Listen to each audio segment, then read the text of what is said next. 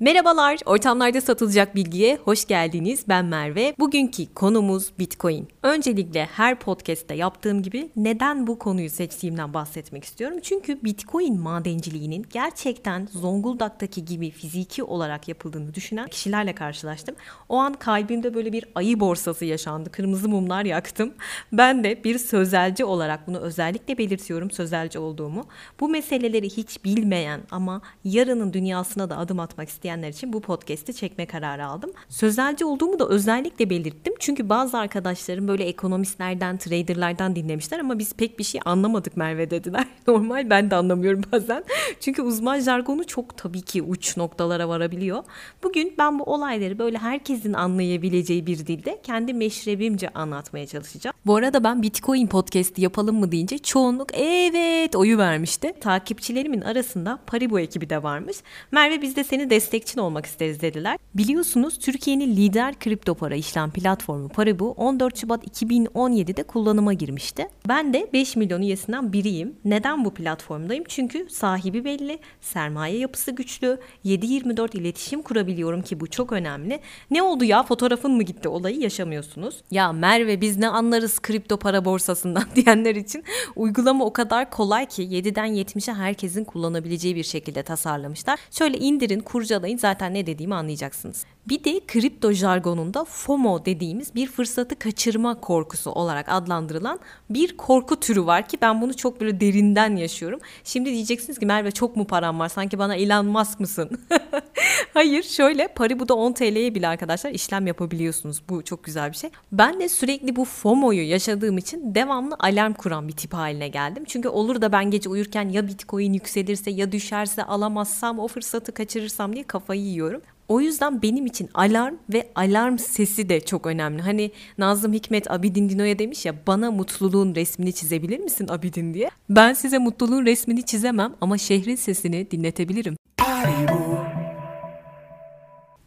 O zaman hazırsanız kemerlerinizi takın çünkü Bitcoin evrenine çok hızlı bir giriş yapıyorum şimdi. Aşık Veysel'in şu sözlerini hepiniz biliyorsunuz. Güzelliğin on para etmez bu bendeki aşk olmasa. Şimdi bunu alalım günümüz meta dünyasına uyarlayalım. Altınmış, gümüşmüş, bozuk paraymış. Bütün bu saydıklarımın sizce kendiliğinden herhangi bir değeri var mı? Soruyorum size. Tabii ki de yok.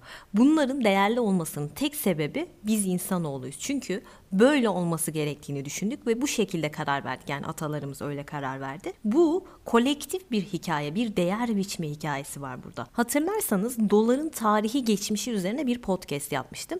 Orada da bu altın rezervleri olayından böyle kısaca bahsetmiştim aslında. Şimdi 1932 yılına gidiyoruz beraber. Şöyle bir hatırlayacak olursak Fransız Bankası Amerika Birleşik Devletleri'nden tahvillerini dolardan altına çevirmesini istemişti. E tamam ne problem var burada? Çevirsin altınlarını demiş olabilirsiniz.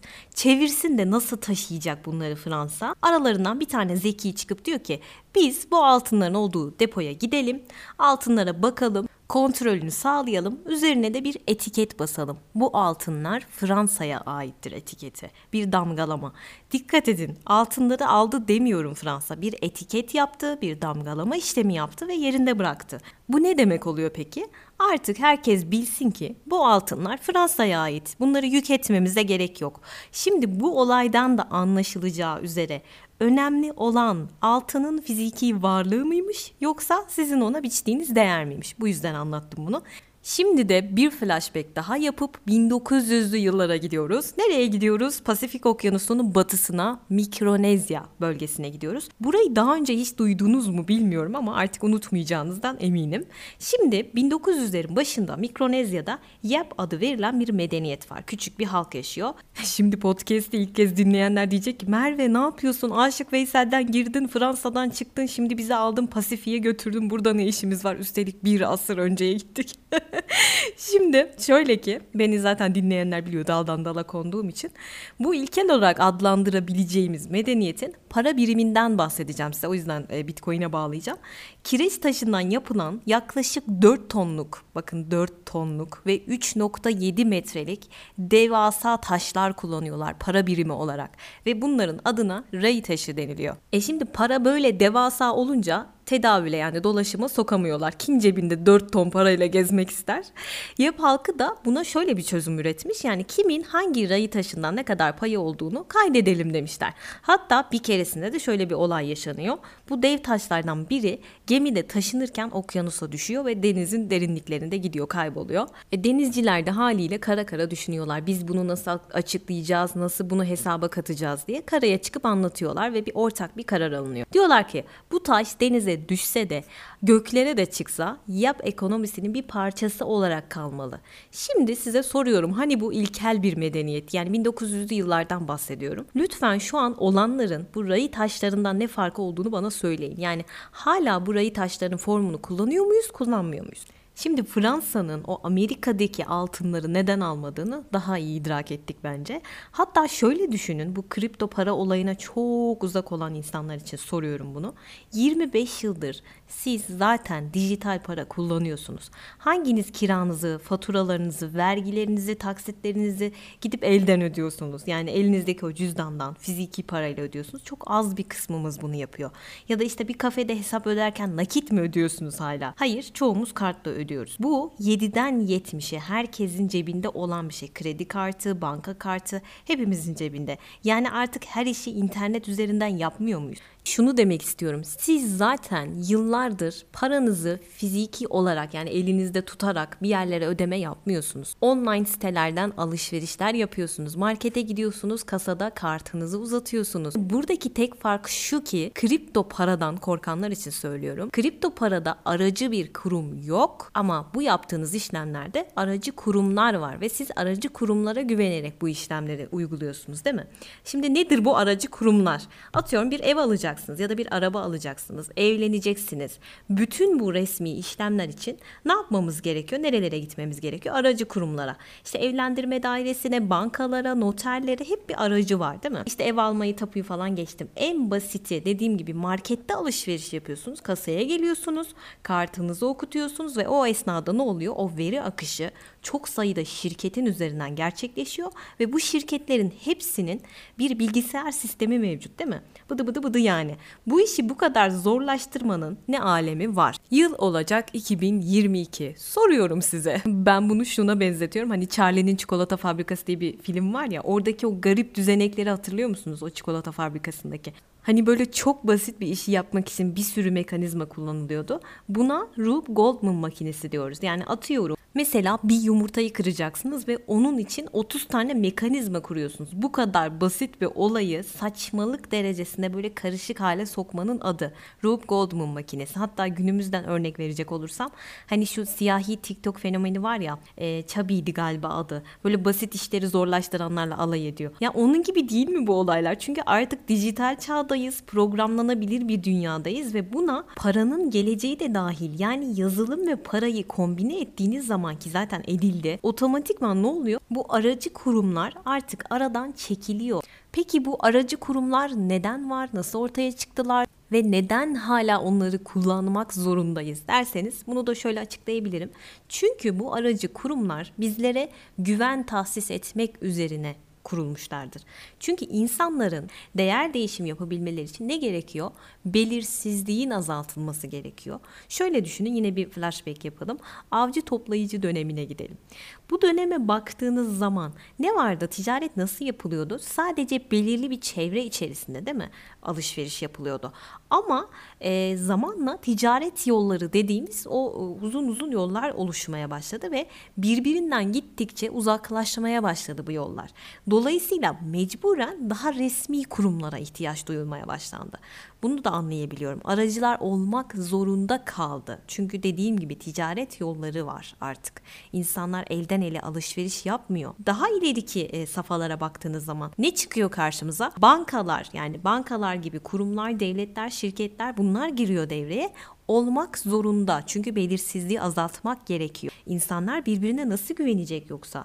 Peki bunların görevi ne? Kayıt tutmak, sizin kimliğinizi saptamak, e, bu doğru mu değil mi buna bakmak, bir takım düzeltmeler yapmak ve bu ticaretin her alanında işlem yürüten bir sisteme sahip olmak değil mi? E süper diyeceksiniz şimdi. Ne sorun var Merve burada? Sorun şu ki arkadaşlar bunlar tek bir merkezde toplanıyorlar ve sürekli sorun yaşıyorlar. Çökertilebiliyorlar ve bu aracılar milyonlarca insanı küresel ekonominin dışına atıyor. Kurumlar vardı çünkü bunlara ihtiyacımız vardı. Okey belirsizliği azaltmamız gerekiyordu. Bunlara muhtaçtık. Çünkü e, onlar sayesinde bu bağlantıları kurduk. Her türlü değer değişimini onlar sayesinde gerçekleştirdik. Çok teşekkür ediyoruz okey ama bundan sonrası için artık kurumlara olan ihtiyacı ortadan kaldırabilecek bir teknoloji dünyasında yaşıyoruz. Dijital bir dünyadayız. Hani kova çağından bahsetmiştim ya Hazreti İsa podcastimde hatırlayın. Ne demiştim? Her 2150 yılda bir çağ atlıyoruz demiştim.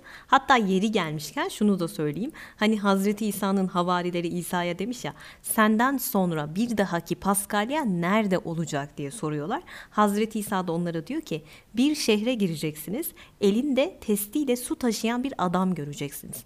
Onu takip edin diyor. Şöyle bir hafızanızı yoklarsanız kova burcunun simgesini hatırladınız mı böyle ellerinde kovalarla su taşıyan Aquarius. Yani kova çağı, kova çağına girdik. O kovada su taşıyan adam da Kriptous. Yeni bir mitolojik tanrı arkadaşlar. Paribu'yu indirenler yeni bir altcoin görürse Kriptous diye bilin ki o benim. Şimdi ben size Bitcoin'den bahsedeceğim. Altcoin'lerden değil. Çünkü en çok adını duyduğunuz kripto para bu zaten. Yani Bitcoin bir kripto para. Şimdi hiç bilmeyenler için anlattığım için kripto parayı açıklamam gerekiyor. Şu demek arkadaşlar şifreli para yani şifrelenmiş döviz. Ama en önemli özelliği şu az önce bahsettiğim aracıların olmadığı yani herhangi bir merkez bankası yok Bitcoin'de. Yani tek bir yöneticinin tekelinde olmayan yani merkezi olmayan bir para birimi. Herhangi bir merkez bankasının olmaması ne demek Merve derseniz şu demek. E, hatırlayın 2008'de global bir kriz yaşandı değil mi? Amerika menşeili. Amerika ne yaptı 2008'de? O krizi atlatabilmek için 200 yılda bastığı bakın sadece Merkez Bankası'nın bastığı paranın toplam 4 katından daha fazla parayı bastı. Biz de Türkiye olarak nasibimizi aldık hatırlarsanız. Ne oldu? Bankalar battı, şirketler battı, devlet onları kurtarmaya çalıştı ve bunları yaparken halk ezildi. Bütün bunlar yaşanırken bir adam çıktı. Satoshi Nakamoto.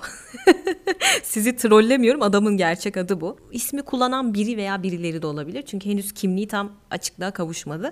Bu krizde halkın ne kadar ezildiğini gördü ve bu kripto para icat etti. Yani herkes çok mutluydu. Müthiş bir refah yaşanıyordu.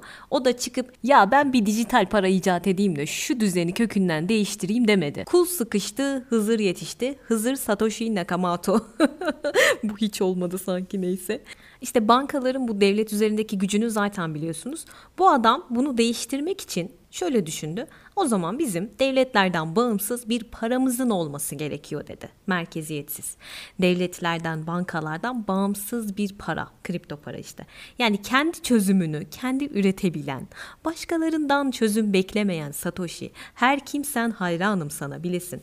İşte bu Hızır Satoshi 21 sayfalık bir makale yazdı. Neyi nasıl yaparız, işte Bitcoin nasıl olur vesaire her şey bütün detaylarıyla bu makalede mevcut. Bunu aldı ortamlara saldı. Sonra bu 21 sayfalık makale forum sitelerine düştü ve tartışılmaya başlandı. Kim bunları tartışanlar Merve derseniz kripto anarşist dediğimiz böyle teknolojiye çok yatkın ama bir yandan da sisteme karşı adamlar bunu tartışmaya başladılar. Neyse aradan bir sene geçti ve 2009 yılında açık kaynak kodlu nedir açık kaynak kodu? Şu demek kaynak kodunun yani bu telif hakkı sahibinin yazılımını böyle açık olarak herkese değiştirme ve herkese dağıtma haklarını verdiği bir lisans türüdür açık kaynak kodu. Yani bu şu demek ortak çalışmaya dayalı bir tarzda geliştirmeye açık diye düşünün. Koca yürekli Satoshi bunu bile düşünmüş. Neyse bunu piyasaya sürüyor ve bu kullanılmaya başlanıyor. Daha sonra ne oluyor? Nur topu gibi bir bitcoin'imiz oluyor. Hatta o zaman alsaydınız bitcoin birkaç kuruş bir değere sahipti. Bir tane Norveçli öğrenci var Christopher Koch diye. Bitcoin'i ilk gördüğü anda almış. 27 dolardan 5000 Bitcoin almış. Ve 4 yıl sonra öylesine bir girip bakıyor ki 27 dolardan 5000 Bitcoin 4 yıl sonra yani 2013 senesinde 900 bin dolar olmuş. Yani 27 dolara alıyor ve 900 bin dolar olmuş. İnanılır gibi değil. Hatta Satoshi Nakamoto'nun 1 milyon adet Bitcoin'i olduğu tahmin ediliyor. Şu anki dolar kuruyla gerçekten hesaplayamadım bile ama kaçırdığınız fırsata dönün bir bakın demek isterim. Şimdi Bitcoin'in altında yatan teknolojiden biraz bahsedelim. En önemli nokta zaten bu. Neden burası önemli? Çünkü e, çoğu insanın Bitcoin'e güvenmeme sebebi onun altında yatan o dev teknolojiyi görememesi bence. Çünkü şöyle düşünüyorlar yani arada devlet yok, bankacı yok, herhangi hiçbir şey yok, aracı yok. Nasıl güvenelim ya? Şöyle güveneceksiniz teknoloji sayesinde. Çünkü burada dediğim gibi blockchain yani blok zinciri olayı şifreleme sistemi, akıllı kodlama ve bunu biz sağlıyoruz. Biz derken az sonra bahsedeceğim neden biz dediğimden ama daha iyi anlaşılabilmek adına şöyle düşünün. Hani önceden şirketlerde böyle muhasebe defterleri tutulan bir dönem vardı. Hadi bu defterlerden olsun olsun 3-5 tane kopyası olsun. Ama her türlü yolsuzluklar olurdu, şirketler batardı. Şöyle düşünün. Herkesin ama herkesin evinde bu şirketin muhasebe defteri olsaydı milyonlarca kişinin elinde olsaydı dolandırıcılık olabilir miydi size soruyorum. Bir kişi de değil bakın herkesin evinde var. Mümkün değil. Yani bunu küresel bir muhasebe defteri gibi düşünün tamam mı? Blockchain bu aslında. Yani hiçbir aracıya gerek yok. Çünkü herkes de var. Herkes de var. Kolektif global bir bilgi transferinden bahsediyorum. Ya da şöyle hayal edin diyelim ki işte sihirli bir kağıdınız var. Ben size bu kağıttan bir tane veriyorum. Kendime ne yazarsam o kağıda ben ne yazarsam sizin de sihirli kağıdınızda bu çıkıyor. Bütün insanlarda bu sihirli kağıttan var ve ben ne yazarsam hepiniz o kağıttakileri görüyorsunuz. İşte Bitcoin'de ne transfer ettim, ne yaptım her şey sihirli kağıtlarda mevcut. Yani kendi kağıdıma baktığım zaman Bitcoin ekonomisinde o gerçekleşen bütün transferleri ben de görebiliyorum. Nasıl? Blockchain sayesinde. Yani Bitcoin'de yapılan bütün işlemler liste halinde bir zincirde bulunuyor. Bakın zincir birbirine geçmiş bir zincir düşünün dijital. Bütün bu işlemler bütün dünyada desteklenmiş bilgisayarlar ve kodlar üzerinden gerçekleştiriliyor. Büyük bir teknoloji. Peki bu Bitcoin nereden geliyor Merve? Nasıl elde ediliyor derseniz burada da karşımıza madencilik dediğimiz olay çıkıyor. Yani Bitcoin genellikle madencilikle elde ediliyor. Bitcoin üretmek isteyen kişiler bilgisayarlarına çok güçlü bir ekran kartı yüklüyorlar ve kazmaya başlıyorlar. Bunun şu an maliyetleri çok yüksek. Şöyle düşünün 15 tane zarınız var ve bunları sürekli sallayıp sallayıp atıyorsunuz. Ve bütün zarlar 6 gelirse 6 hepsi 6 gelecek kazanmış olduğunuzu düşünün. İşte bilgisayarların yaptığı buna çok benzer bir şey. Yani doğru sayıya ulaşmak için 6 6 6 6 ulaşmak için tekrar tekrar tekrar deniyorlar ve bunu başardıkları zaman da bulmacayı çözmüş oluyorlar. İşte bu bulmacayı çözen bilgisayar bu çözümü ağın geri kalan diğer bilgisayarlarına yolluyor. İşte bilgisayarlar bu bulmaca çözme işinde de Bitcoin zincirinin korunmasına yardım ediyor. Şu an dünyada o kadar çok madenci var ki düşünün yani nasıl bir koruma var. Yani dünyanın dört bir yanında bu yazılımları yürüten birçok madenci, birçok insan var ve bunlara Bitcoin madencileri diyoruz. Peki bu madenciler tam olarak ne yapıyorlar? Şöyle ki her 10 dakikada bir tıpkı böyle bir ağın kalp atışı gibi düşünün. Bir önceki 10 dakikada ne olduysa yani bütün işlemlere sahip yeni bir blok oluşturuyorlar. Ve burada ne çıkıyor ortaya? Rekabet değil mi? Çünkü ne amaçları bunların? gerçek olanı bulmak. Yani bu bloğu tasdik eden ilk madenciye zaten kripto para birimiyle ödeme yapılıyor. Sonra o blok bir öncekine bağlanıyor ve daha önceki de bir önceki bloğa bağlanıyor. Zincir dediğim blockchain bu zaten. Şöyle düşünün herkesin damgalı dijital mumlu bir mührü olduğunu düşünün tamam mı? Bu sistem bu. Peki şunu düşünmüş olabilirsiniz. E sistem çökerse ne yapacağız? Sistem çökebilir mi? Ekonomistler ve traderlar bunun na mümkün olduğunu söylüyor ki bence de öyle. Çünkü dediğim gibi dijital mumlu bir mühür var ortada. Yani bu bloğu çökertmek istersem diyelim ki işte size aynı parayla ödeme yapıyorum. O blokla birlikte öncekileri de çökertmek durumundayım ki bu çok zor.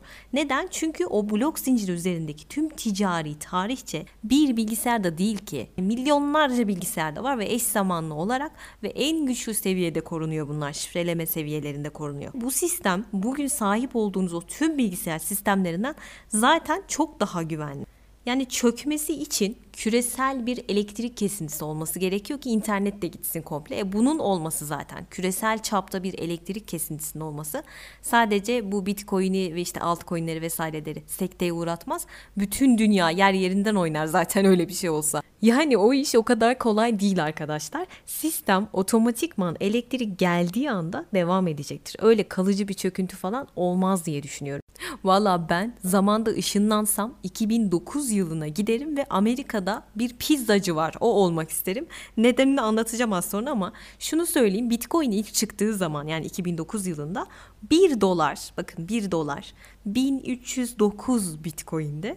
Bundan 4 yıl sonra yani Kasım 2013'te 1 Bitcoin 1309 dolar oldu. Yani 4 yılda ivmelenmesine bakın. Neden pizzacı olmak istiyorsun Merve derseniz? Çünkü Bitcoin ile yapılan ilk alışverişte bir pizza alınıyor. Biri çıkıp diyor ki ya ben tamam Bitcoin aldım ama e, nasıl kullanacağım ben bunu ne alsam diyor. Oradan da bir pizzacıya diyor ki sana 10 bin Bitcoin göndereyim sen de bana pizza yolla. yani şu an değeri milyon dolarlar eden bir pizzadan bahsediyorum. O çocuk bir daha pizza yememiştir iddia ediyorum. Neyse sonra zaten bu işler çok büyüyünce ve büyük ihtimalle Bitcoin böyle 19 bin 20 bin dolarları görünce kripto para borsası dediğimiz normal borsadan farkı şu 7-24 açık. Yani gece uyumayıp böyle Edward Norton'a bağladığımız durumlar oluyor. İşte bu kripto para borsasından dolayı. Şimdi podcast'in sonuna geldik ve bu podcast'te herhangi bir yatırım tavsiyesi yoktur. Bunu belirtmeme gerek var mı bilmiyorum ama Sadece size işin özünü anlatmaya çalıştım. Yani yatırım yapın ya da yapmayın ama yine de meselelere uzak kalmayın diye. Beni Instagram'da takip etmek isteyenler için adresim ortamlarda satılacak bilgi. Merve biz de buradayız seni dinliyoruz selam demek isterseniz bana bu adresten ulaşabilirsiniz. Kendinize iyi bakın haftaya tekrar görüşmek üzere hoşçakalın bay bay.